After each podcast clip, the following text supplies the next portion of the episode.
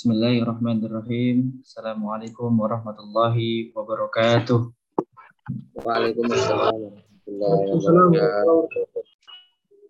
Alhamdulillah, alhamdulillahilladzi hadana li hada wa ma kunna linahtadiya laula an hadana Allah. Nusalli wa nusallim ala habibina Muhammad sallallahu alaihi wasallam.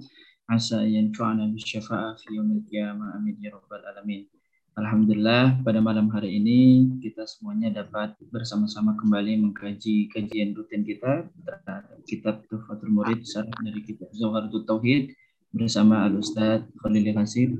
Mudah-mudahan senantiasa Allah lapangkan dan mudahkan serta Allah berikan kesehatan kepada Al Ustaz agar selalu dapat membersamai kita dalam kajian kita setiap kalinya. Uh, dan tak lupa salawat dan salam selalu kepada Nabi besar Muhammad Shallallahu Alaihi Wasallam. Mudah-mudahan dengan senantiasa bersolawat dan mengamalkan sunnah kenabian dari beliau kita akan mendapatkan syafaat di akhir kala amin ya robbal alamin.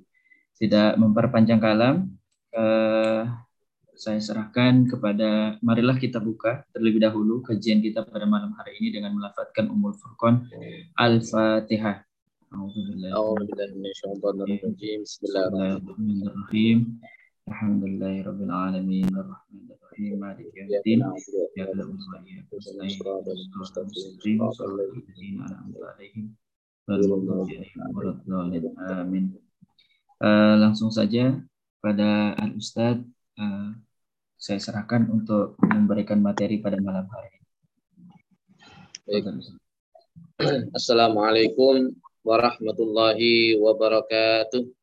Waalaikumsalam warahmatullahi wabarakatuh. Suara saya jelas ya? Jelas Ustaz. Ya, uh, tadi mohon maaf uh, ada gangguan jaringan. Ganti HP tadi. Baik.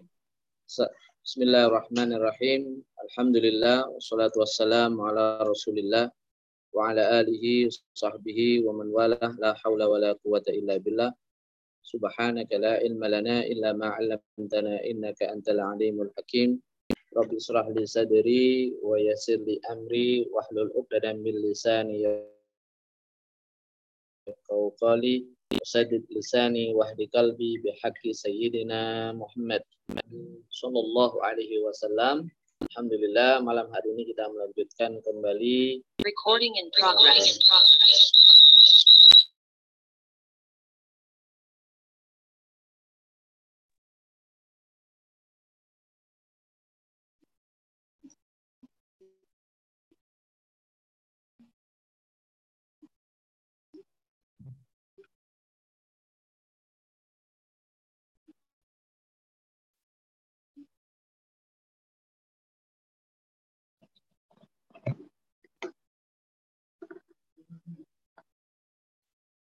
Halo, suara saya bisa didengar? Bisa, Ustaz. Alhamdulillah Baik. jelas. Jelas ya? Uh, saya mau share dulu uh, kitab uh, Murid.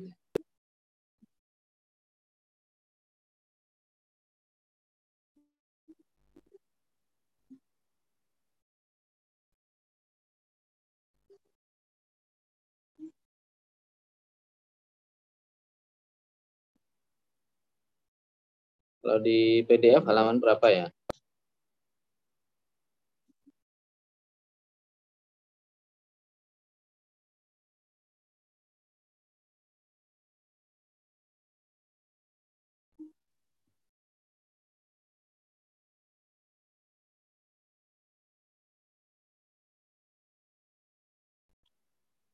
Nah, ini. Kita sudah sampai di sini.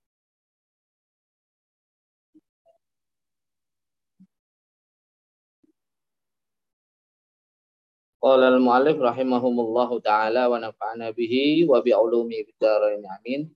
Wa fi i'adatil arad qawlani urujjihat i'adatul a'yani. Wa fi zaman qawlani wal hisabu haqqun wa ma fi haqqin irtiyabu.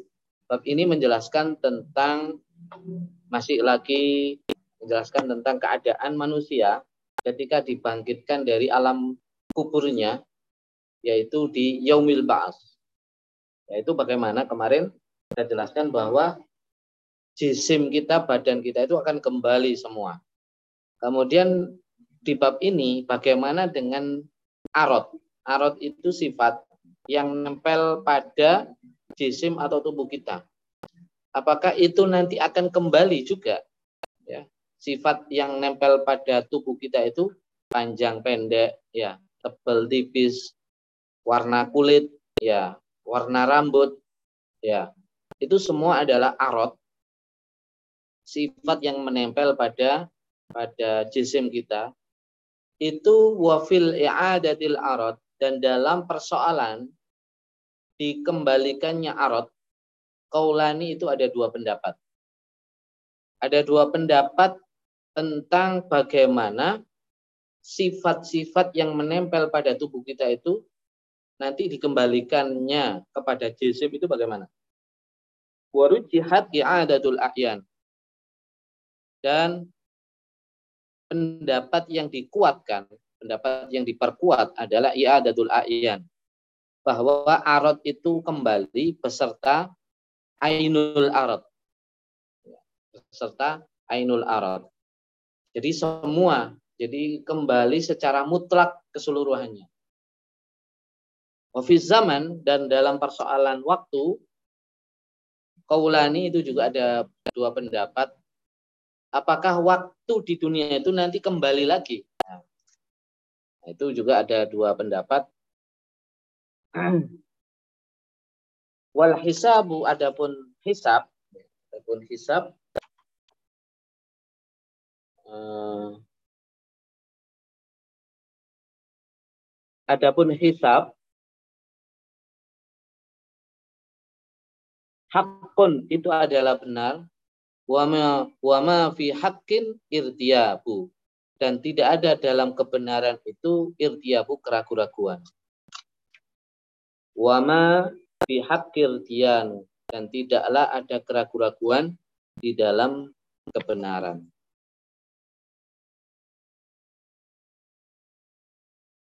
Wa fi i'adadil arad. Lafad fi i'adadil arad. Lama ikhtalafa al-qailuna fi i'adadil jism. Fi i'adadil arad. Alladhi kana qa'iman bihi fid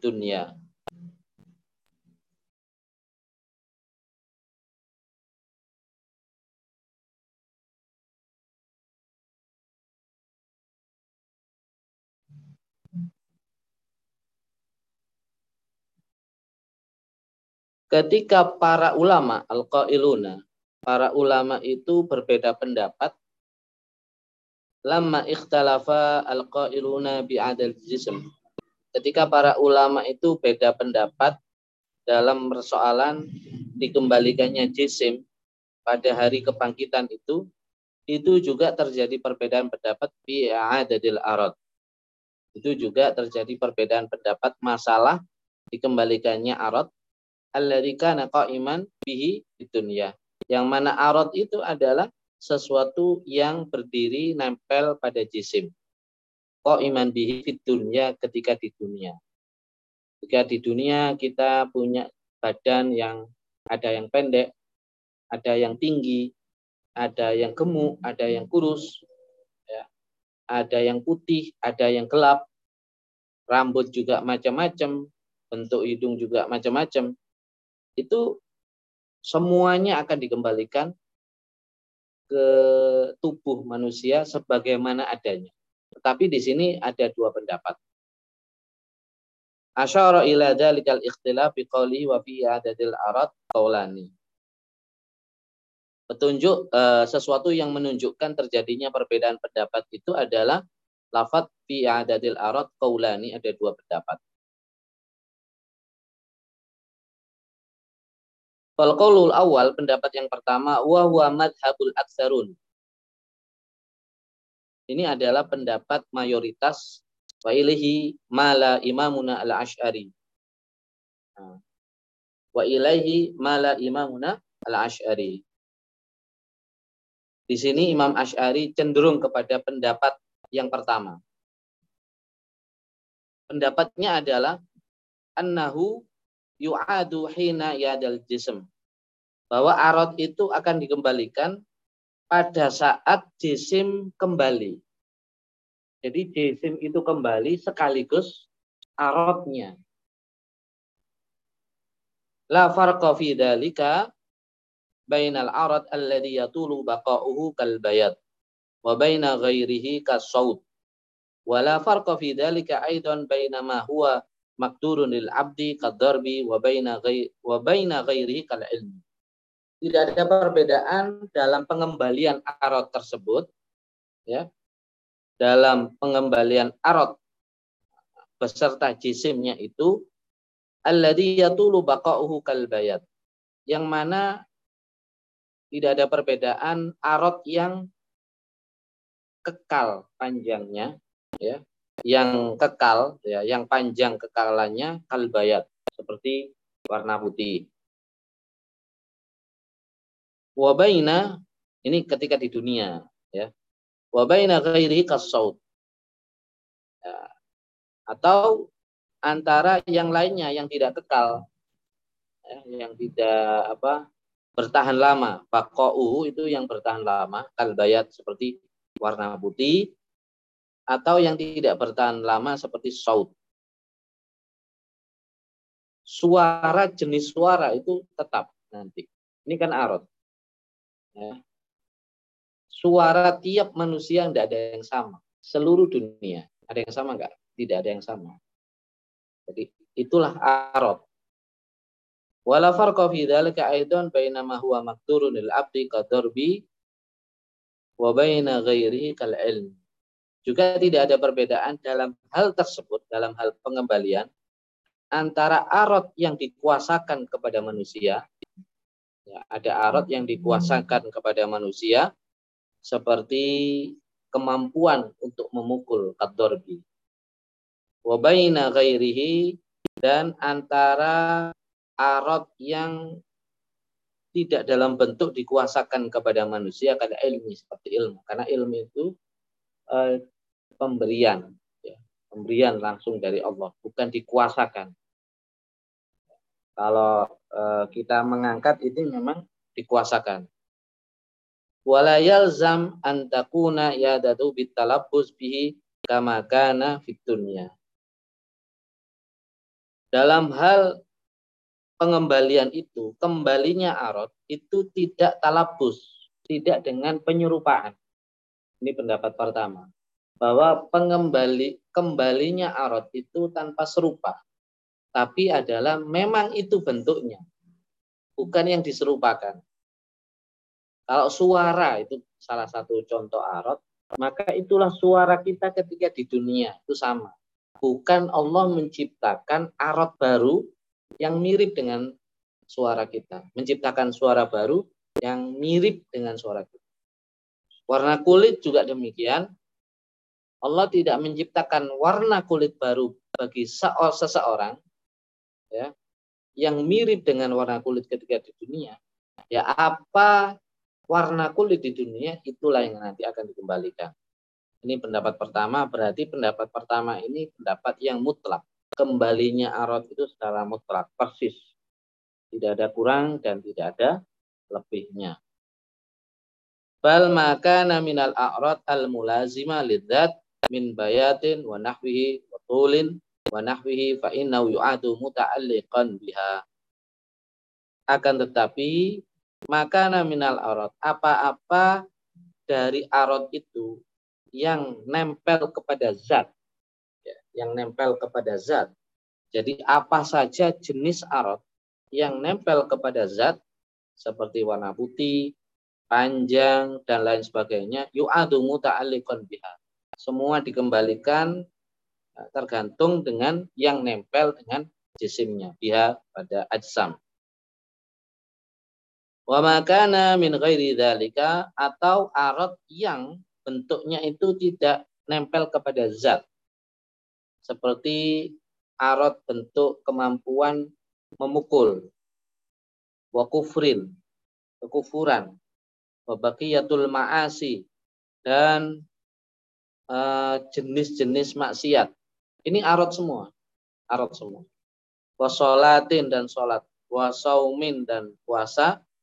wa baqiyatut ta'at dan bentuk-bentuk ketaatan yang lainnya fa innahu yu'adu kalau yang model jenis ini keimanan kemaksiatan ya kekufuran sholat puasa ibadah-ibadah yang lainnya yu'adu musawwaron bisuratin jismiyatin mereka ini jenis-jenis arot yang dikembalikan dalam bentuk gambar, gambaran. Bisuratin jismiyah dengan gambaran jisim. Jadi sholat kita itu nanti bentuknya ada bendanya, benda jisim. Puasa kita itu jisim, ya. Jadi ibadah ibadah kita itu nanti bentuknya jisim. Kufur, keimanan, kemaksiatan, itu semuanya bentuknya nanti di akhirat itu dalam bentuk jisim. Ya. Kita ribah pada orang, kita mencela orang, nanti berubah bentuk ya. Berubah bentuk menjadi sebuah jisim. Lakin al hasanatu fi suratin hasanah wasayyi'atu fi suratin qabihah. Adapun amal-amal yang baik itu bentuknya adalah bentuk-bentuk sesuatu yang baik, yang bagus, yang indah. Nah, adapun uh, kejelekan ya bentuknya adalah keburukan. Bentuk jisim yang buruk. Bentuk jisim yang buruk. Hada huwa zahir.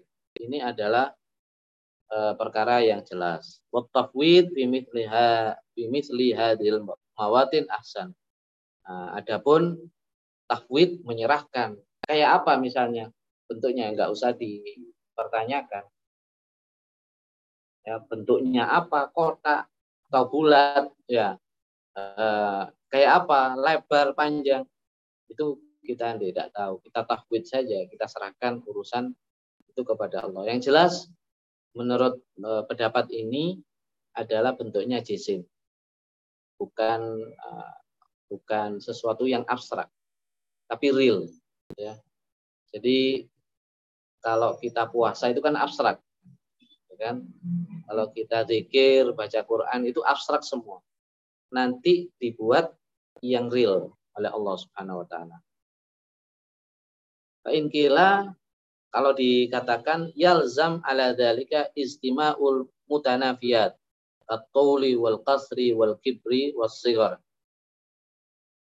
dikatakan kalau kembalinya arot itu secara mutlak seperti penjelasan di atas, ya kan?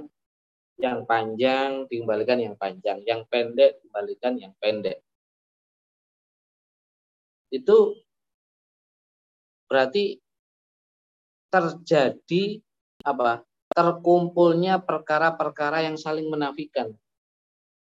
Berarti istima'ul mutanafiyat terjadi apa perkumpulan berkumpulnya perkara-perkara yang saling menafikan. Panjang wal qasr itu kan saling menafikan, panjang dan pendek. Kiber wasighar. Besar dan kecil. Nah, ini bagaimana? Ujiba dijawab bi anna iyadatul arad laisa daf'iyatan bal ala tadrij. Karena kita kan berubah manusia itu berubah kan dari kecil sampai besar. Ya. Ketika yaumul ba'ats kita dikembalikan jisim kita beserta arot-arotnya, sifat-sifatnya. Ketika kecil kita itu putih warna kulitnya. Begitu dewasa kulit kita jadi gelap ya. Kemudian sebelum wafat, ketika sudah tua, balik putih lagi. Nah, yang dikembalikan itu yang mana? Ini kan saling mutanafiyat. Istima'u al-mutanafiyat. Yang dikembalikan semuanya. Semuanya. Dulu ketika dewasa, tinggi. Begitu tua, makin pendek. Misalnya seperti itu. Nah, yang dikembalikan yang mana? Semuanya, yang tua, yang kecil, tua, dewasa, dikembalikan. Nah, di sini pengembaliannya adalah laisat daf'iyah. Tidak sekaligus. Tidak sekaligus. Karena arot manusia itu beda-beda. Seorang manusia, satu orang itu arotnya berubah-ubah. Ya, berubah-ubah tetapi bal alat tadrij, tetapi berangsur-angsur sebagaimana kita juga berangsur-angsur perubahan itu dari kecil sampai besar. Ya, dari kurus menjadi gemuk.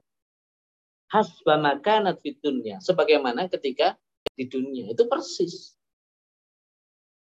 Kalau di dunia itu kecilnya itu gemuk, dewasanya itu kurus, sama akan terjadi seperti itu. Lalu yang berbeda apa? Yang berbeda adalah masa. Kalau di dunia itu kan membutuhkan masa waktu yang panjang. Prosesnya itu. Tapi nanti di akhirat itu prosesnya sangat cepat perubahan. Tek. Nah, kecil itu mungkin disingkat. Ya. Berarti pertanyaannya, nanti di akhirat kita ada perubahan. Iya. Yang yang kalau sudah diputuskan yang mulai hisab, yang masuk surga itu sudah nggak berubah. Itu badannya sama kan gitu, kulitnya sama, ya wajahnya saja berbeda-beda, tapi semua bagus. Lakin yamuru alaihi jamiul a'rad dalam hil basar. Jadi semua a'rad ini akan berjalan. Akan berjalan seperti kedipan mata. Kan cepat kedipan mata itu. Kecil itu satu, satu kedip, satu kedip, satu kedip. kedipnya. Wallahu alam. Bagaimana itu nanti?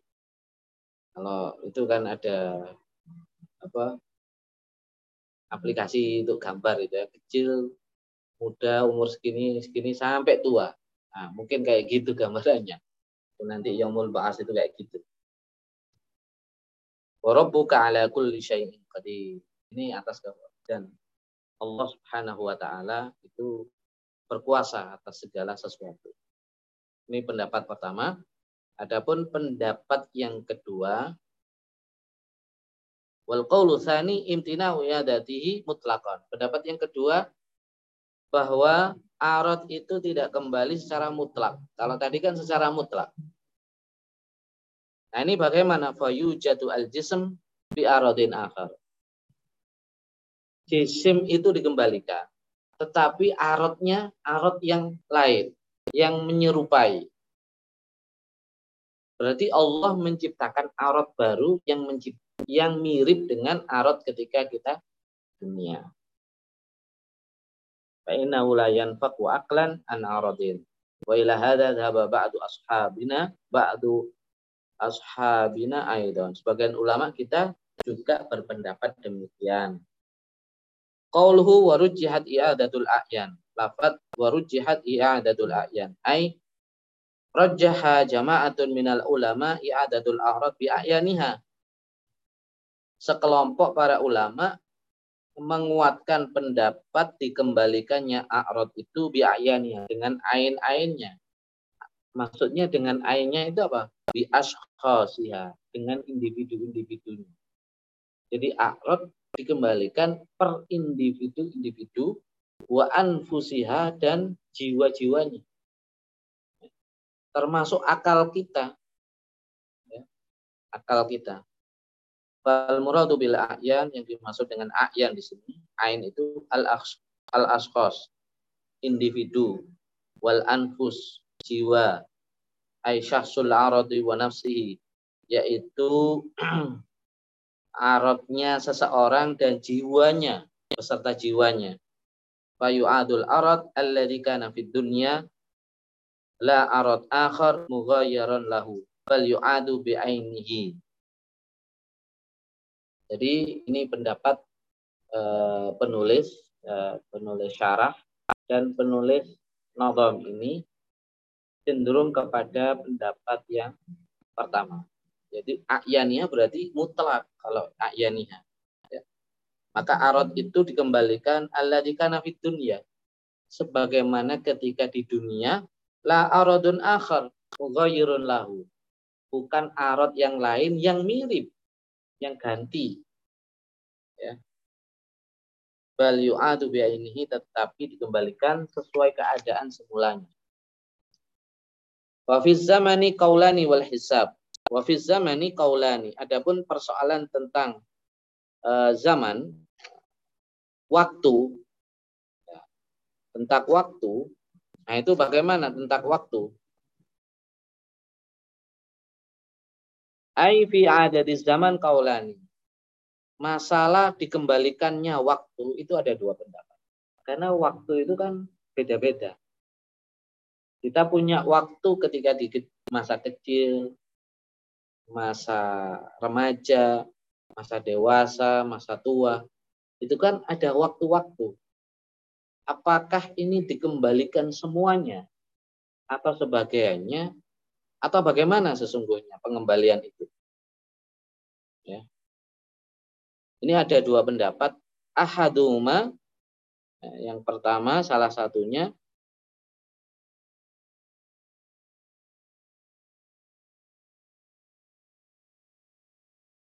Wahwa al-arjah. Ini adalah pendapat yang paling paling kuat. Annahu yu'adu jami'a azmanatil adsam. Bahwasannya yang dikembalikan itu semua masa jisim. Setiap jisim punya masa. Allati marot alaiha di dunia. Yang ia alami ketika di dunia. Jisim kita itu umur berapa? Orang ada orang meninggal umur 60, umur 70, 80. Berarti dia mengalami zaman 60 tahun, zaman 70 tahun. Itu bagaimana? Semuanya akan kembali. Semuanya akan kembali. Karena itu laporan nanti, laporan di yaumul hisab akan dilaporkan semuanya. Ditashhad alil insan supaya bisa disaksikan bagi manusia wa alaihi bima waqa'a fiha min taat wal asam. Supaya bisa dihitung dengannya itu, dengan waktu itu adalah kadar ketaatan dan kadar dosanya. Kalau nggak dikembalikan masanya, maka bagaimana kita itu penyaksiannya? Ditasyhad lil insan. Kita sendiri ya, kita sendiri akan menyaksikan menyaksikan diri kita ketika masih kecil. Ketika masih remaja. Ya. Itu sampai ketika tua kita akan menyaksikan. Wasanihima adapun yang kedua intina'u i'adati i'adatihi. Ini menurut pendapat yang kedua zaman itu tidak dikembalikan semuanya secara mutlak. Listima ilmu tanafiat. Karena kalau dikembalikan semua, akan terjadi sesuatu yang saling bertentangan. Saling menafikan. Kan? Kalmadi wal hali wal istiqbal. Bagaimana ini dikembalikan jadi satu, masa lampau, masa sekarang, masa yang akan datang. Ini logikanya logika apa? Dikembalikan satu sekaligus. Padahal bagi pendapat yang pertama itu tidak sekaligus. Kalau pendapat pertama kan semua masa dikembalikan mulai kecil sampai tua. Ya. Jadi pengembaliannya pengembaliannya itu sekalian jisim, arad dan zaman masa. Zamannya itu itu sekaligus sehingga darut itu dengan uh, apa fasenya ada fasenya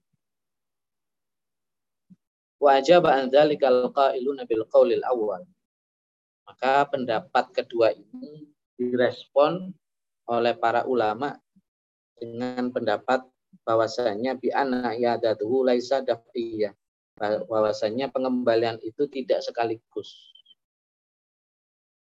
bal ala tadrij tetapi berangsur-angsur khas kanat alaihi di dunia bagaimana ketika di dunia. Lakin fi asra'i waqt. Tetapi dengan masa yang cepat. Bukan masa yang seperti ketika di dunia. Ya apa itu Allah alam? Itu kekuasaan Allah. Kita nggak tahu. Wal hisab adapun hisab penghitungan amal hakun itu perkara yang benar adanya. Hisabitun bil kitab wa sunnah wal isma. Telah ditetapkan perkara yang ditetapkan dalam Al-Quran, Sunnah, dan ijma para ulama. Wafil kitab syari'ul hisab. Dalam Al-Quran itu ayat berapa ayat? Eh, surat Al-Baqarah ayat 202. Syari'ul hisab, hisab yang cepat. Wafis sunnah, adapun dalam sunnah hasibu anfusakum qabla an tuhasabu. Hisablah diri kalian semua sebelum kalian dihisab nanti di akhirat. Wa ajma'al muslimuna alaihi. Dan para ulama itu telah sepakat akan hal ini. Apa itu hisab? Wa walukatan. Yang pertama, hisab menurut bahasa adalah al-adat. Bilangan. Ya, hitungan atau bilangan. Wasilahan secara istilah tauqifullahu an-nasa ala a'malihim khairan kanat aw syarran. Yang dimaksud uh, hisab itu adalah penghentian Allah terhadap amal-amal manusia baik itu amal baik atau amal yang tidak baik. Tauqifullah penghentian Allah terhadap amal-amal manusia. Kaulan kanat au fi'lan, baik itu berupa ucapan atau perbuatan. Tafsilan ba'da akhdihim kutubaha. Dihitung secara rinci. Tafsilan secara rinci. Setelah mereka manusia itu mengambil buku catatan. Jadi sebelum dihisap, itu manusia ngambil rapot. Ngambil rapot buku buku catatan amal. Itu ada buku catatan Nah, buku catatan amal ini nanti menjadi bukti. Ya. Orang yang mendapatkan uh, catatan amal itu sudah menunjukkan nasibnya dan hasil hisapnya seperti Tetapi Allah masih menghisap. Sudah ada buku catatan, tapi harus tetap disidang. Hisap itu sidang. Persidangan, pengesahan nanti. Allah sebagaimana seorang hakim, beliau dan Allah itu hakim ya. Hakim yang paling adil adalah Allah. Seorang manusia A ini masuk surga atau neraka. Ya. Masuk surga atau neraka. Kekal di dalamnya atau tidak kekal di dalamnya. Ya. Itu setelah mereka menerima putusan baru dihitung satu persatu. Dan itu adalah perkara yang sulit bagi manusia. Manusia akan mengalami semuanya dan kita akan dihitung satu persatu. Dipanggil oleh Allah maju satu persatu. Ya, di hadapan seluruh manusia. Maka seluruh manusia akan mengetahui hasil catatan amal kita kita tahu akan oh catatannya amal ini Pak Jokowi itu begini rapotnya. Pak SBY rapotnya begini. Ya. Pak Soeharto rapotnya. Itu akan tahu semua kita. Wa lil mu'min wal kafir insanan wa jinnan illa man istasna minhum. Ini berlaku kepada orang mukmin, orang kafir, jin, manusia, kecuali orang-orang yang dikecualikan yaitu siapa? Nah, ada hadisnya orang yang tidak mendapatkan hisab tidak dihisab. Seperti wafil hadis dalam hadis yadkhulul jannata min ummati sab'una alfan laisa alaihim hisabun. Ya, akan masuk surga umatku sebanyak 70 ribu 70 ribu laisa alaihi sabun yang tidak mendapatkan hisab. 70 orang tidak dihisab oleh Allah. Siapa itu? Ya, Allah alam. Yang jelas ada hadis 10 sahabat dijamin masuk surga. Itu di antaranya. Fakila lahu halla istaz, istazatta rabbaka. Ada sahabat tanya kepada Rasulullah, Wahai Rasul, engkau kok enggak minta tambahan? 70 itu sedikit. Sekarang jumlah umat Islam berapa sedunia? Yang yang masa ini, umat Islam. Kalau jumlah manusia di dunia ini 6 miliar ya, 6. Mungkin sudah lebih. 6. Beberapa tahun yang lalu itu 6 miliar saya pernah membaca. Yang muslim tidak sampai 2 M. Tidak sampai 2 miliar. Indonesia penyumbang terbesar. 200. Ya. Itu umat zaman sekarang. Ditambah umat zaman dulu berapa? Ditambah umat zaman yang akan datang berapa miliar? Bermiliar-miliar istilah. Nah, sahabat tanya, 70 ini angka sedikit, wahai Rasul. Kok nggak minta tambah? Nah, gitu. Jawaban Rasul, Faqala tuh. Aku sudah minta tambah. Bazadani ma'akulli wahidin sab'ina alfan sab'ina alfan. Nah, ini silakan dihitung. Kemudian Allah menambah kepadaku setiap dari 70 ribu tadi masing-masing kullu wahid minas sab'ina sab' alfan masing-masing 70 orang tersebut itu ada sab'ina alfan. 70 ribu juga. Berarti berapa? 70 ribu dikali 70 ribu. Berapa? 700 juta. Hah? nolnya kalau nolnya 8 700 eh 4 miliar sampai miliar itu bukan ratusan juta. Hah? coba. Tujuh nolnya delapan ya.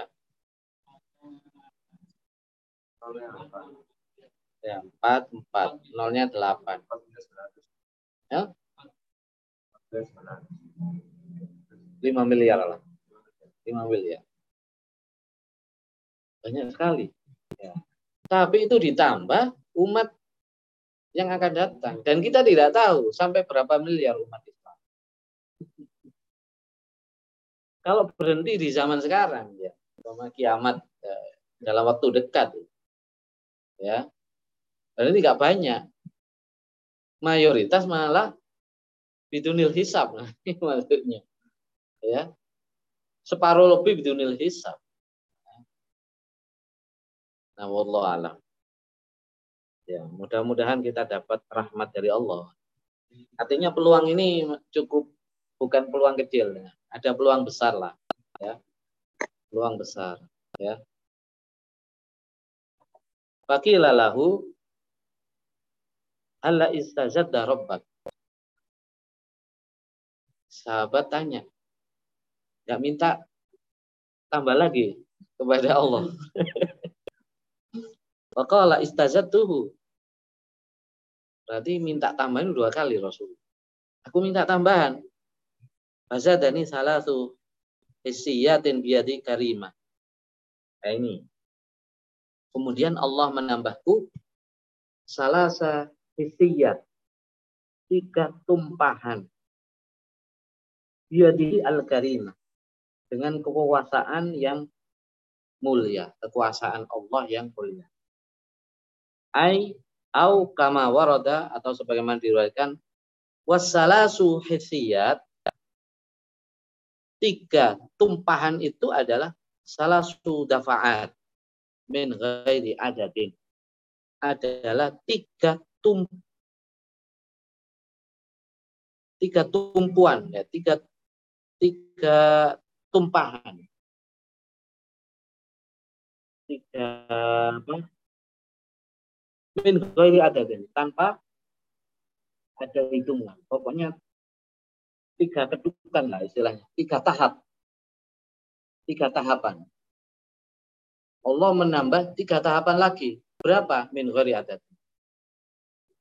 Berarti itu, peluangnya masih lebih dari 5 miliar. Min ghari adat. Bisa 6 miliar, bisa 7 miliar. Kalau 7 miliar ya, kita termasuk ini. Kita termasuk Fahaulai yadkhuluna al-jannah bighairi hisab. Mereka ini masuk surga tanpa hisab. Orang masuk surga tanpa hisab itu nikmat. Karena hisab itu berat. Berat. Ya.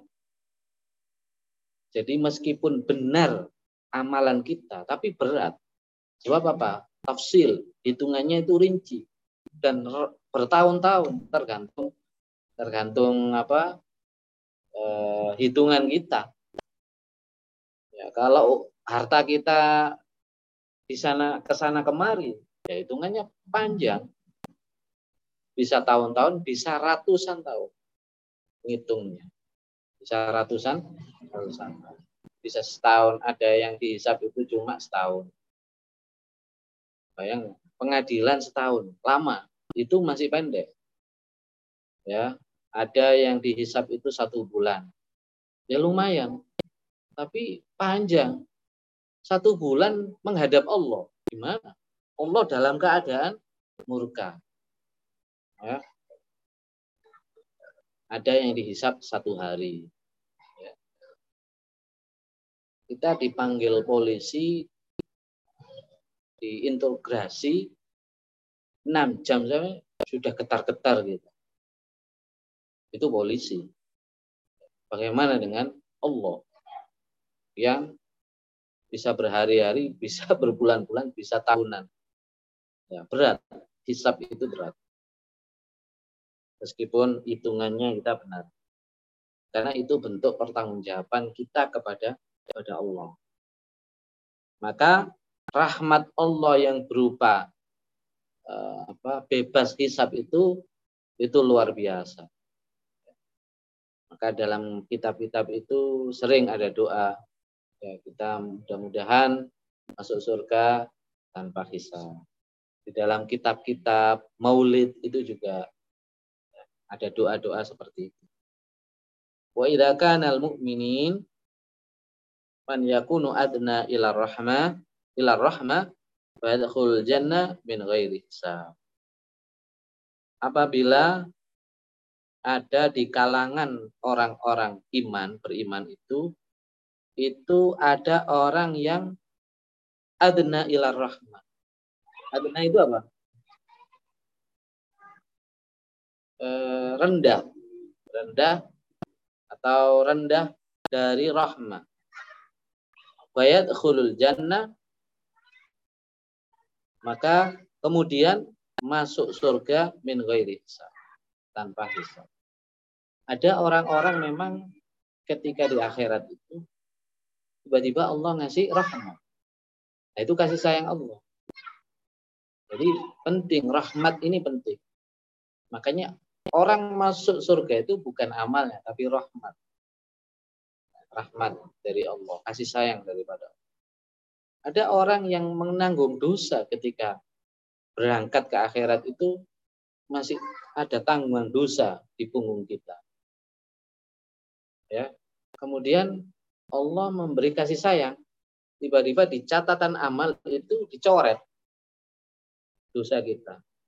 Oh, berarti ini kortingan Ini bonus. Nah, ini bagaimana? Itu hak prerogatif murni dari Allah. Dan kita nggak bisa protes. Loh, Kak Usman di korte. Aku dosa podo, dosa ini podo.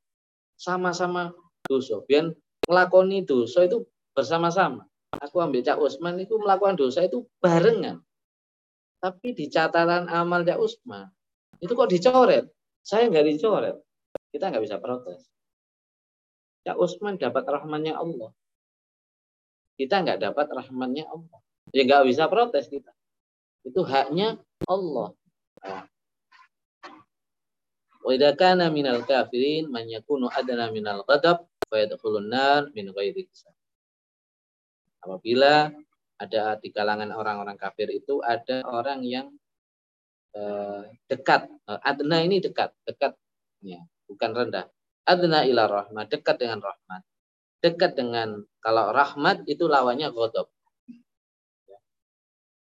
Dekat dengan eh, apa, murka Allah fayadkhulun nar. Masuk neraka min ghairi hisab. Tanpa hisab. Jadi kalau doa jangan salah, pokoknya bebas hisab. Lu bebas hisab itu ada dua. Jangan bebas hisab masuk neraka. Itu ada bebas hisab masuk neraka. Jadi eh, saking banyaknya nggak nggak dihitung dosanya langsung masuk neraka. Atau ifun tadkhulul jannah bila hisab. Maka ada kelompok kecil yang masuk surga bila hisab tanpa hisab. Di sini Taifah. Taifah itu bukan kelompok kecil. Pasukan kecil. Taifah itu pasukan kecil. Tidak banyak. Ta'ifatun tadkhulun nar bila hisab. Dan sekelompok kecil masuk neraka tanpa hisab. Wa ta'ifatun tawaqqafa lil hisab. Dan sekelompok kecil dihentikan dari hisab. Fala tunafi bainan nusuf fi misli Nas-nas yang penjelasan itu tidak ada yang saling menafikan. Waqad ikhtalafa fil murad. Para ulama terjadi beda pendapat dalam masalah maksud bitauqifillahin nas ala a'malihim. Lafat tauqifillahin nas ala a'malihim. Fakila dikatakan al muradu yang dimaksud di sini adalah ayyakhluqa ayyakhluqallaha ayyakhluqallahu fi qulubihim uluman daruriyan maqadiri a'malihim minas sawabi wal iqab. Wa hadha qaulul fakhr. Nah, maksud Allah menghentikan manusia terhadap amal-amal perbuatan manusia ya. Hmm, itu bagaimana? Allah menciptakan di dalam hati-hati mereka itu ilmu daruri, ilmu yang pasti, ya ilmu daruri ilmu pemberian Allah tanpa belajar, ilmu yang diperoleh tanpa belajar. Pengetahuan Allah menciptakan pengetahuan dalam hati-hati manusia diri a'malihim. Ya. Sesuai dengan kadar amal-amal mereka minasawab wal iqab dari pahala dan uh, siksa atau balasan. Wahada qaulul fakhr. Ini adalah pendapat Imam Al-Fakhr. Mungkin ini Fakhruddin Ar-Razi. Allah alam. Jadi nanti Allah akan memberi pengetahuan kepada manusia tentang kadar kadar amal mereka sendiri. Ya. Tentang kadar-kadar amal mereka sendiri Wakila ada yang mengatakan ayyukifahum baina yadayhi wa yu'tihim kutuba amalihim. Ini pendapat kedua. Mereka ini berhenti di hadapan Allah, menghadap Allah. Kemudian diberikan buku catatannya, buku catatan amal mereka. Di dalamnya sayyiatihim wa hasanatihim. Di dalam buku catatan itu ada kebaikan dan ada keburukan. Fayaqulu Kemudian mengatakan hadihi sayyatikum. Kemudian Allah bersabda, berfirman. Dari buku itu kemudian diketahui, ini loh hadihi sayyatikum. Ini kejahatan kamu. Waqad tajawaztu anha. Dan aku telah melepaskan kejahatan itu. Ya. Wahadi hasanatikum dan ini adalah kebaikan kamu. Waqad tuha lakum dan aku melipat gandakan kebaikan. Dan ini juga adalah hak prerogatif Allah. Dan kita nggak bisa protes. Pokoknya nak rijal, ambil aku biar jamaah bareng sholat duhur. Ya, sholat duhur empat rakaat. Rijal di di korting pahalanya empat kali sepuluh. Empat puluh. Saya dapat dua saja, padahal empat rakaat. Itu rahmat Allah. Wahada wadal qaul nukila an Ibnu Abbas. Ini pendapat dinukil dari pendapat Ibnu Abbas. Wa fihi usurun di annal hisab ghairu qasir ala hadal miqdar. Dan di dalamnya itu kusur, itu waktu pendek. Ya annal hisab ghairu qasir hisab itu tidak pendek ala hadal miqdar menurut perhitungan ini. Waqad warada anal kafir yunkir fatashhad jawarihahu. Ya. Diriwayatkan bahwasanya orang kafir ditanya, kamu melakukan kejahatan ingkar kepada Rasul apa enggak? Jawaban orang kafir tidak tapi fatashhad jawarihu. Maka anggota badan, mulut, mata dan sebagainya itu akan menjadi saksi. Ya. Hatinya boleh ingkar, tapi nanti kaki semua itu kepala kita, tangan kita itu semua akan menjadi saksi.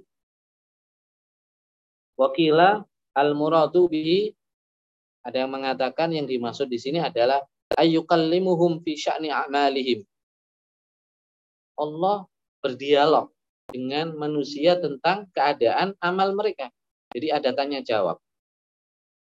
Wa kaifiyati malaha minas sawab wa ma 'alaiha minal iqab. Wa yasma'uhum kalamahu al-qadim. Ini kuasa Allah. Bagaimana kita berdialog dengan Allah. Itu kan kalam Allah itu kodim. Sedangkan kita itu makhluk hadis kita diberi kemampuan yasma, bisa mendengar kalam kodim. Wa kaifiyah malaha minas sawab. Bagaimana itu sebuah perkara itu jadi pahala dan bagaimana perkara-perkara itu jadi siksa.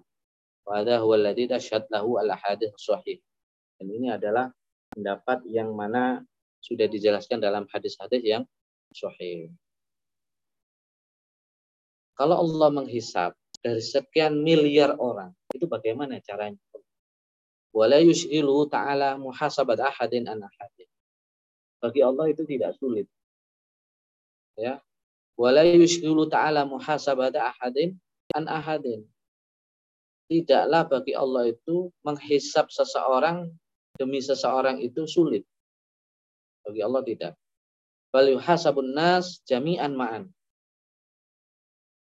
Tapi Allah menghisap manusia itu sekaligus. Sekaligus. Hatta inna kulla ahadin yara annal muhasab wahdah. Tetapi ini bagi kita, masing-masing manusia itu merasa meyakini bahwa dihisap sendiri. Padahal dihisap bareng-bareng. Jadi hisapnya bareng-bareng. Nah itu bagaimana? Itu kekuasaan kita enggak, enggak itu di luar pengetahuan kita sudah. Bagaimana dihisap bareng? Ya. Tapi kan ada yang sampai 500 tahun, ada setahun, ada yang sehari dihisap. Itu bagaimana? Itulah kekuasaan. Kita enggak bisa masuk ke ranah itu. Pengetahuan, merasakan, membayangkan. Kita enggak, akal kita enggak bisa membayangkan wa kaifiyatihi mukhtalifah dan caranya berbeda-beda antara satu dengan orang lain ketika hisab. Faminhu al-yasir wal asir. Di antara mereka, di antara hisab itu ada yang mudah, ada yang sulit. Wasir wal jahr. Ada yang sir, ada yang jahr. Ada yang terang-terangan, ada yang tidak terlihat. Ya, yang tidak terlihat. Uh, ada yang berupa celaan. Wal fadl ada yang berupa ujian. Wal adl ya dan ada berupa keadilan macam-macam. Ada manusia itu nanti dijelas sama Allah. Ada juga yang diberi keutamaan, dipuji sama Allah. Hikmatuhu hikmahnya haru tafawutil maratibil kamal. Menunjukkan berbedanya kedudukan kesempurnaan seseorang. Jadi itu menunjukkan manusia itu tidak sama berbeda-beda. Wa fadaihu ahlil naqs ada dan kedoknya orang-orang yang malas atau kurang dalam ketaatan. Itu akan terlihat. Ya. Marotip manusia itu akan nampak. Kedudukan manusia itu nampak dari situ. Di yaumil oh manusia itu kedudukan ini ini ini.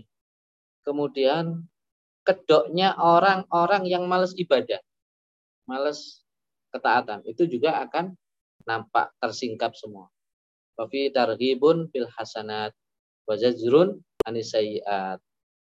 Juga ada motivasi, nampak motivasi dalam kebaikan ya dan e, meninggalkan bagaimana seseorang itu meninggalkan keburukan wa ma fi haqqin irtiyab lafat wa ma fi haqqin irtiyab ai walaysa fi wuqi haqqin syak bahwasanya hisab itu tidak ada keraguan, keraguan terjadinya.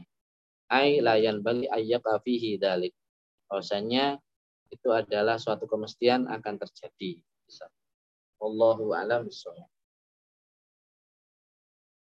saya kembalikan ke moderator Ustaz Sofian silakan Terima kasih Ustaz atas penjelasan tadi terkait dengan uh, dua para dua dua judul yang sangat jelas al-qaulu fi i'adatil arad wa al-hisab haqqun. Uh, dipersilahkan kepada teman-teman yang telah yang mengikuti kajian uh, yang ingin bertanya boleh menanyakan langsung kepada Al Ustadz dengan mengaktifkan fitur raise hand atau dengan mengirimkan chat melalui kolom chat box yang ada di uh, Zoom. Para teman-teman persilakan yang ingin bertanya.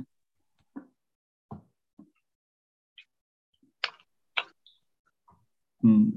Ya, di sini yang di sini juga boleh tanya. Ya, yang yang offline juga Fadl Asatid yang ingin bertanya. Yang offline ada yang tanya.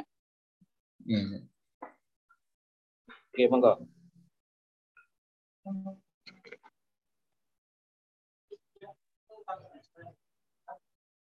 Orang yang SAW, orang itu memang di dalam mimpinya. Dan karena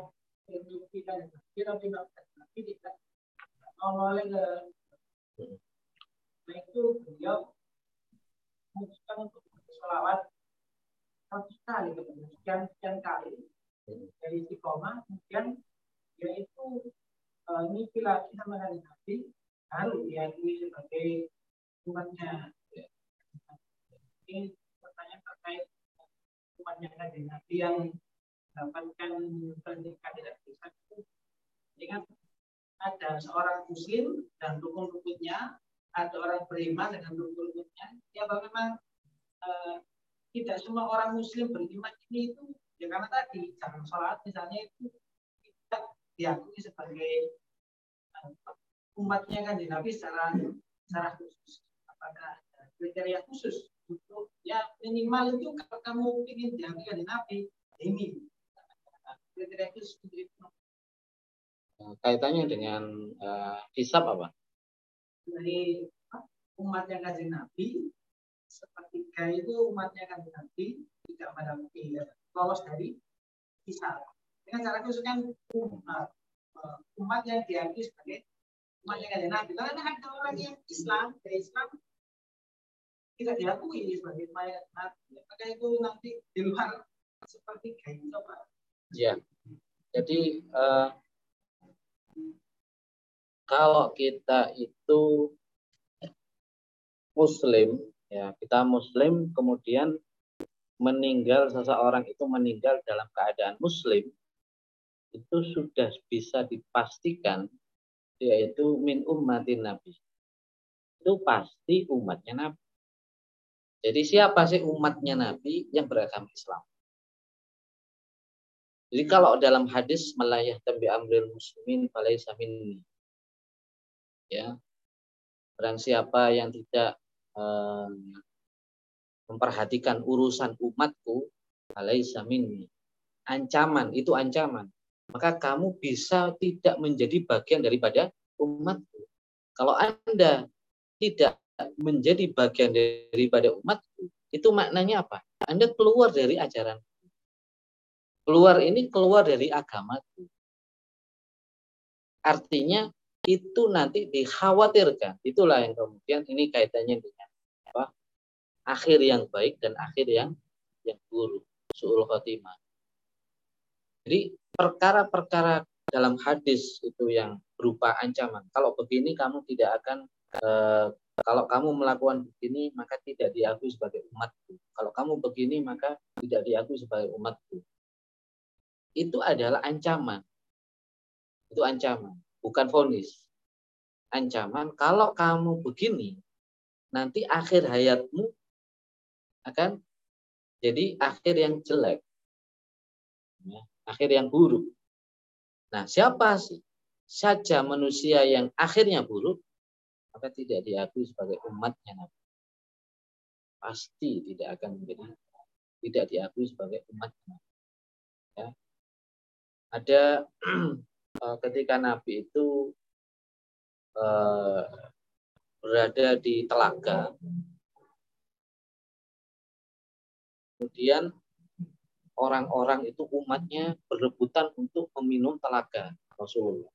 Bahkan Rasulullah itu sampai membantu memberi minum beberapa orang, tidak semuanya, umatnya. Jadi apa istilahnya kita ngambil gayung misalnya, kita kasihkan itu kepada seseorang. Itu Rasulullah sampai begitu melayani umatnya.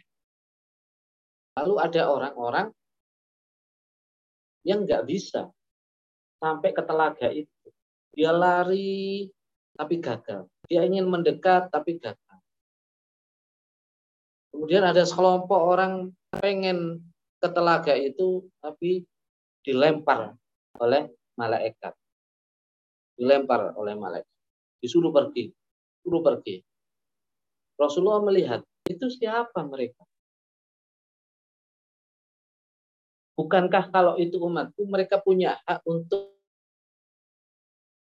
meminum telagaku yang namanya telaga kausar yang barang siapa yang meminum telaga kausar maka tidak akan haus selama-lamanya selama di itu selama di surga nggak akan haus Rasulullah tanya pada malaikat yang melempar itu yang mencegah bukankah kalau umatku itu mereka harus punya hak harus minum ini tapi mereka kenapa engkau lepas jawaban malaikat ada haula laisu min ummatik.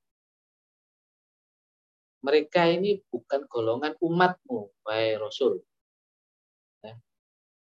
Mereka ini adalah orang-orang yang pernah masuk Islam, pernah Islam, kemudian murtad, keluar dari agama mereka.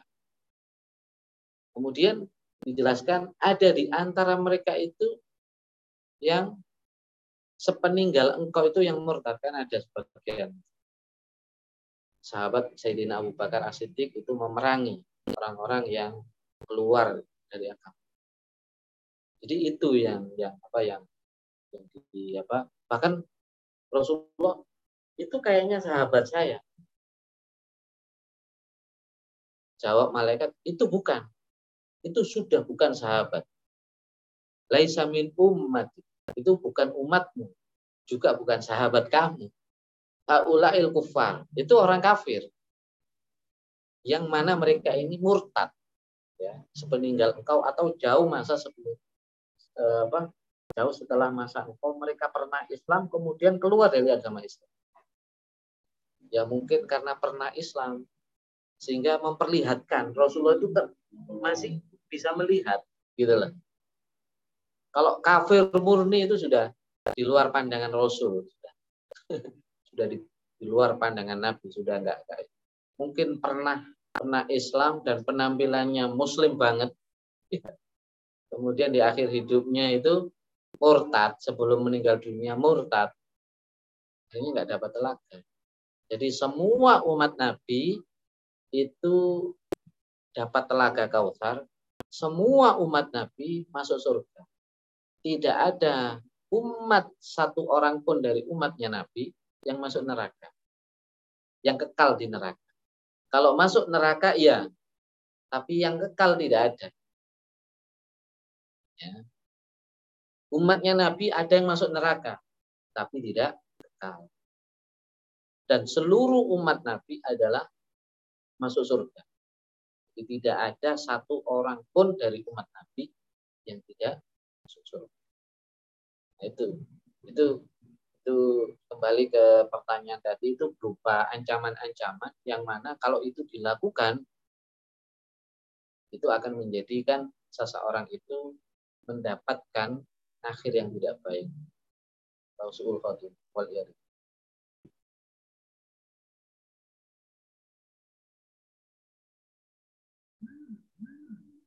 Terima gitu ya. kasih, Zat. Uh, ada ini yang tadi, tangan, kan? Nah. Ada Ustadz Dimas tadi yang mengangkat atau mengetikkan fitur hand. Kepada Ustadz Dimas Fadil Ustaz untuk menyampaikan pertanyaannya Ustaz. Uh, terima kasih Mas Sofian. Uh, suara saya kedengaran? Iya, jelas. Oh ya. Uh, Assalamualaikum Tad, izin bertanya. Jadi saya dulu pernah eh, eh, dengar kajian kalau misalnya kita apa ya datang ke apa ya untuk minta dirukia itu tidak jadi tidak masuk golongan orang yang bisa masuk surga tanpa hisab. Apakah hal tersebut benar atau mungkin ada penjelasan lain Ustaz? Terima kasih. Iya uh, di ru'ya mengeluarkan jin supaya bebas dari hisap. Ini saya juga belum pernah ada pernah membaca, belum pernah mendengar uh, penjelasan seperti ini. Di, sepertinya tidak ada penjelasan seperti itu, ya. Uh, jadi kalau itu benar, ya kok ringan banget gitu ya ya di ruya aja masal kita semua eh, bebas hisap. Oh, bu, bu, bu anu Ustaz, uh, kebalik kebalik. Maksudnya kalau kita ya, datang ke perukia itu nggak jadi orang yang masuk. Jadi enggak ini enggak termasuk orang yang uh, bisa masuk surga tanpa hisap gitu. Kalau misalnya datang ke perukia. Oh gitu. Kebalik, orang datang ke ruya nggak bisa masuk surga tanpa bisa. Ya. Alasannya apa? Saya lupa pernah. Oh, hmm. kalau ruya enggak. Kalau datang ke dukun iya. Mungkin yang dimaksud itu dukun ya. Oh. Barang siapa yang mendatangi dukun 40 eh, sholat ibadah itu tidak diterima tidak terima. Nah, mungkin mungkin maksudnya itu. Tapi juga saya nggak tahu kalau uh, yang mau bisa mungkin ada pendekatan yang lain. Jadi, uh, apa ya? Yang jelas memang yang kalau mendatangi dukun itu memang ancamannya banyak, ancamannya besar, ya. Itu bisa bisa tidak diterima sholatnya selama eh, uh, 40 tahun ya. Eh, bisa terancam apa murtad ya.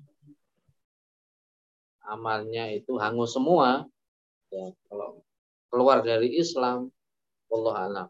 Kalau orang yang kalau uh, keluar dari agama murtad ya hangus semua amal ibadah. Hangus. Jadi kebaikannya selama dia itu muslim hangus. Kalau hangus tinggal tinggal apa? Dosanya ya. dan dosa yang paling besar itu dosa kekufuran dan kesyirikan. Itu dosa yang paling berat. Dosa kekufuran dosa kesyirikan itu dosa yang paling besar. Kalau sisanya hanya dosa saja ya, ya itu itu tetap ada hisapnya juga. Orang yang melakukan dosa itu tetap dihisap. Tetap ada hisap. Ya, orang yang masuk neraka ada yang dihisap, ada yang tidak dihisap. Kemudian Allah alam. Ya, jasa kalau Ya. Terima kasih Ustaz Dimas yang sudah menyampaikan pertanyaannya yang kita dijawab tadi oleh Ustaz Khalid eh Ustaz Khalili. Uh, kemudian pada teman-teman yang lain yang mungkin ingin bertanya yang offline mungkin atau yang online dipersilakan. Jikalau masih ada yang ingin bertanya. Ini ada yang offline tanyain. Hmm. Kalau kan pernah ada ya, ya. orang donor organ tubuh. Donor organ tubuh. Misalnya ini orang ini sudah mau meninggal tapi akhirnya cangkok liver. Liver itu kan setahu saya itu katanya organ dalam yang bisa dipotong terus bulat. Jadi separuh dicangkokkan. Yang pendonornya ini masih ada kemungkinan tumbuh lagi. Jadi dia masih bisa hidup. Nah, yang nyari ini tidak tahu ini pendonor itu apa ya donor maksudnya tidak tahu ya. Tidak tahu. Misalnya ini nanti yang donor ini katakan orang baik, nanti terus kembangkan ini untuk nyambung hidupnya yang tidak donor. Ternyata orang ini orang katakan jahat. Setelah itu apa setelah dan lagi itu berbuat apa nanti? Yang donor yang donor ini orang jahat. Ya donor katakan orang baik. Yang yang didonor orang atau bisa dibalik juga apa nanti ada kayak transfer pahala atau transfer pulsa gitu? Oh, nggak ada. Kalau transfer pulsa banyak. nggak ada itu. Jadi berarti anu itu persoalan uh, uh, i'ana fil maksiyah wa i'ana fil ibadah. Itu kalau kalau tahu. Kalau tahu, misalnya dia wasiat ya, wasiat. Misalnya saya masih sehat, misalnya. Syafi'i masih sehat, dia wasiat. Nanti kalau saya meninggal dunia, eh, meninggal dunia jantung saya saya donorkan ke eh, apa ke siapa itu eh, Ronaldo misalnya ya. Karena fans beratnya ya nanti karena Ronaldo ada masalah jantung yang cocok itu jantungnya Syafi'i nanti karena saya cinta Ronaldo ya jantung saya saya berikan ke eh, Ronaldo kalau saya meninggal dunia. Nah, berarti nah itu Ronaldo non muslim ya bukan Islam. Ahli maksiat ya. Kemudian detak jantungnya dibuat untuk perkara-perkara maksiat. Maka dia i'ana bil maksiat. Dia menolong membantu orang yang bermaksiat. Membantu orang yang bermaksiat. Membantu orang sakit dapat pahala. Tapi membantu maksiat dapat dosa. Berapa dosa dan maksiatnya? Nanti dihitung sama Allah. Yaumil hisab. Kalau kalau yang paling cuma cara kan kita nggak tahu nanti di apa video kemarin tidak memasuki anak. Ya, itu kita niatnya adalah membantu orang sakit ya. Kalau itu kita nggak kena hisab karena tidak tahu. Nah, orang tidak tahu itu tidak ada hitungannya. Uh, rufi al kolam istilahnya. Jadi, orang yang nggak tahu ya, yang nggak ada hisapnya nggak tahu. Tapi kita tujuannya adalah baik, tujuan baik. Tapi itu ada per, uh, diskusi sendiri nanti, hukum tersendiri untuk hukum cangkok mencangkok ini. Hukum cangkok mencangkok. Wallahu a'lam.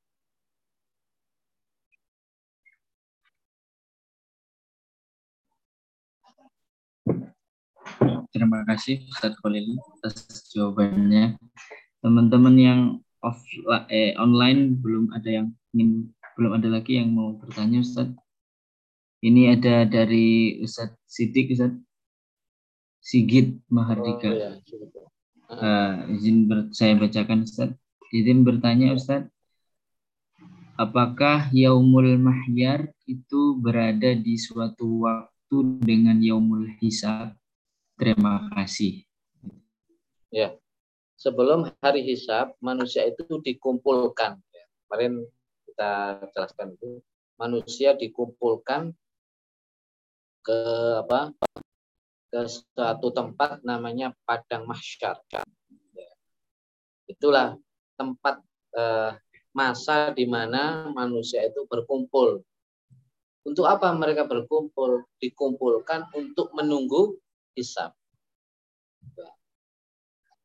Jadi di mahsyar dulu baru yang mulai hisab. Itu urutannya. Setelah hisab, manusia itu dua nasibnya ada yang surga, ada yang neraka. Demikian.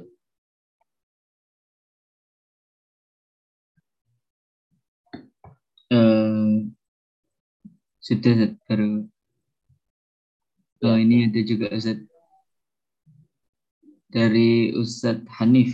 Izin bertanya Ustadz, bahwasanya masuk surga atau nerakanya seseorang itu merupakan hak prerogatif Allah. Meskipun amalan satu orang dengan orang lain secara zahirnya sama saja. Tetapi hari ini ungkapan tersebut dikeluarkan untuk mengcounter upaya amar ma'ruf nahi mungkar. Ketika diberi nasihat atau saat kita menyalahkan perbuatan seseorang yang memang salah, dibalas balik bahwa surga dan neraka adalah hak prerogatif Allah. Atau jangan sok jadi peng, pengkangling surga. Bagaimana tanggapan kita Ustaz? gitu dia nah, ini memang itulah kita itu harus menempatkan sesuatu itu pada tempatnya masing-masing. Jangan dicampur aduk antara tempat satu persoalan satu dengan persoalan yang lain. Amar ma'ruf nahi mungkar ada kemungkaran kita dituntut oleh syarat syariat ini perintah Allah.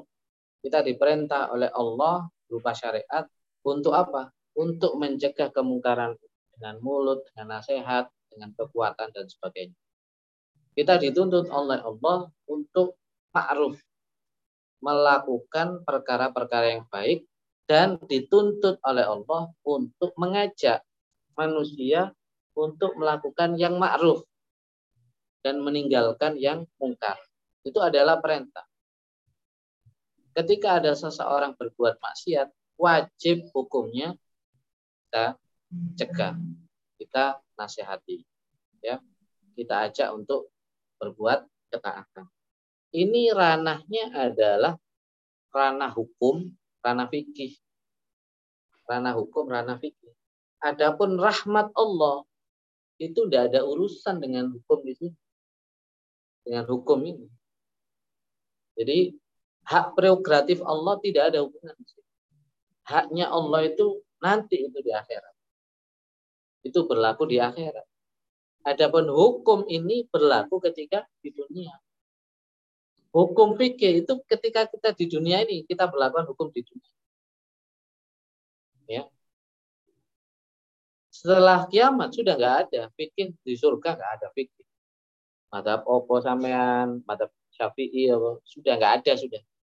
Kita sudah bebas dari sudah nggak sholat, ya udah nggak ada ini apa sholat duha sholat taraweh sudah Tidak ada fikih di sana.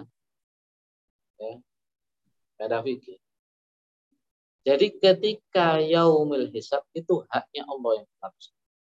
Itu hak haknya Allah. Haknya itu keputusan Allah. Qadha Allah. Di yaumil hisab itu qadha Allah yang berlaku. Ketika di dunia syariatullah. Syariat Allah yang berlaku. Nah, kita harus bila-bila. Nah, sekarang kita masanya syariatullah. Ya. Syariatullah, bukan Allah. Dan apa?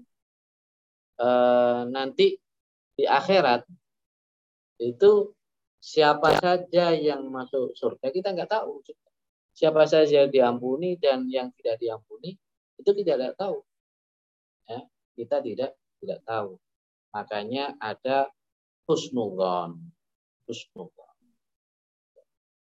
jadi kalau memang Allah seseorang itu seorang manusia itu berbuat baik dan kita lihat baik maka kita yakini dia dapat rahmat Allah. Kita yakini dia dapat ampunan Allah, dia masuk surga. Orang baik masuk surga. Alul jannah. Ya, kalau dohir manusia kita lihat itu orang jahat, ahli maksiat, ya, maka penduduk neraka kita nilai sebagai penduduk neraka. Nah itulah eh, syariatullah di dunia ini nahkumu bidzawahir. Nah, nahkumu bidzawahir. Kita menghukumi yang zahir. Itu kaidahnya. Wallahu yatawalla as-sarair. Adapun yang sarair, sarair itu yang tidak terlihat. Apa yang tidak terlihat? Termasuklah siapa yang dapat rahmat. Tidak terlihat. Ya, kita hari ini siapa di antara kita yang dapat rahmat dari Allah? Enggak terlihat. Wallahu yatawalla. Allah yang akan mengurus sarair itu yang yang sirri, yang tidak terlihat. Urusan manusia itu urusan yang terlihat. Urusan yang tidak terlihat Allah Subhanahu wa taala. Jadi itu harus dibedakan. Tidak boleh di eh, apa? Eh, mending jadi sok sok sok ahli surga daripada sok ahli neraka. Mending jadi sok Islam daripada sok kafir. Nah, itu. Kalau kalau di Unida mending dipaksa masuk surga daripada nah, sukarela masuk neraka. Nah, nah, itu sering kan diulang-ulang di Ustaz yeah. Hamid itu. Mm -hmm. Masuk surga dengan ditendang. Tidak apa-apa. Oke, Ustaz. Ini mungkin saya ingin bertanya sedikit. Mungkin tadi kan terkait dengan uh, al-hisab hakun. Terus kan sering kita dengar bahwasanya orang yang fakir, miskin itu akan lebih ringan atau lebih mudah dihisab. Kalau timbangannya itu diukur dari segi harta dan amanahnya mungkin di dunia. Sedangkan yang para ruasa itu akan lebih berat. Jikalau dari segi amal Ustaz, kira-kira adakah kiat yang disarankan eh, atau dituliskan oleh para ulama kita agar kiranya nanti di dalam hisab kita itu diringankan begitu uh, kalau misalnya pun ya. tidak dapat tiket yang tadi yang bebas hisab kan pasti ada hisab itu sehingga diringankan mungkin begitu Ustaz. Syukur, Ya.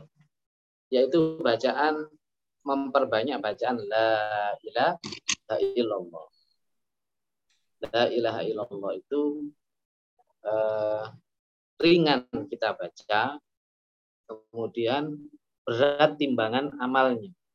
Di pahalanya besar. Pahalanya besar, tapi ringan bacaan-bacaan. Kemudian eh, orang yang bebas hisab itu adalah orang yang mati syahid orang yang meninggal dunia dalam peperangan, kemudian para nabi, para nabi, kemudian siapa lagi? Orang eh, seorang ulama yang mengamalkan ilmunya, artinya itu yang diterima, ilmunya diterima, amalnya diterima.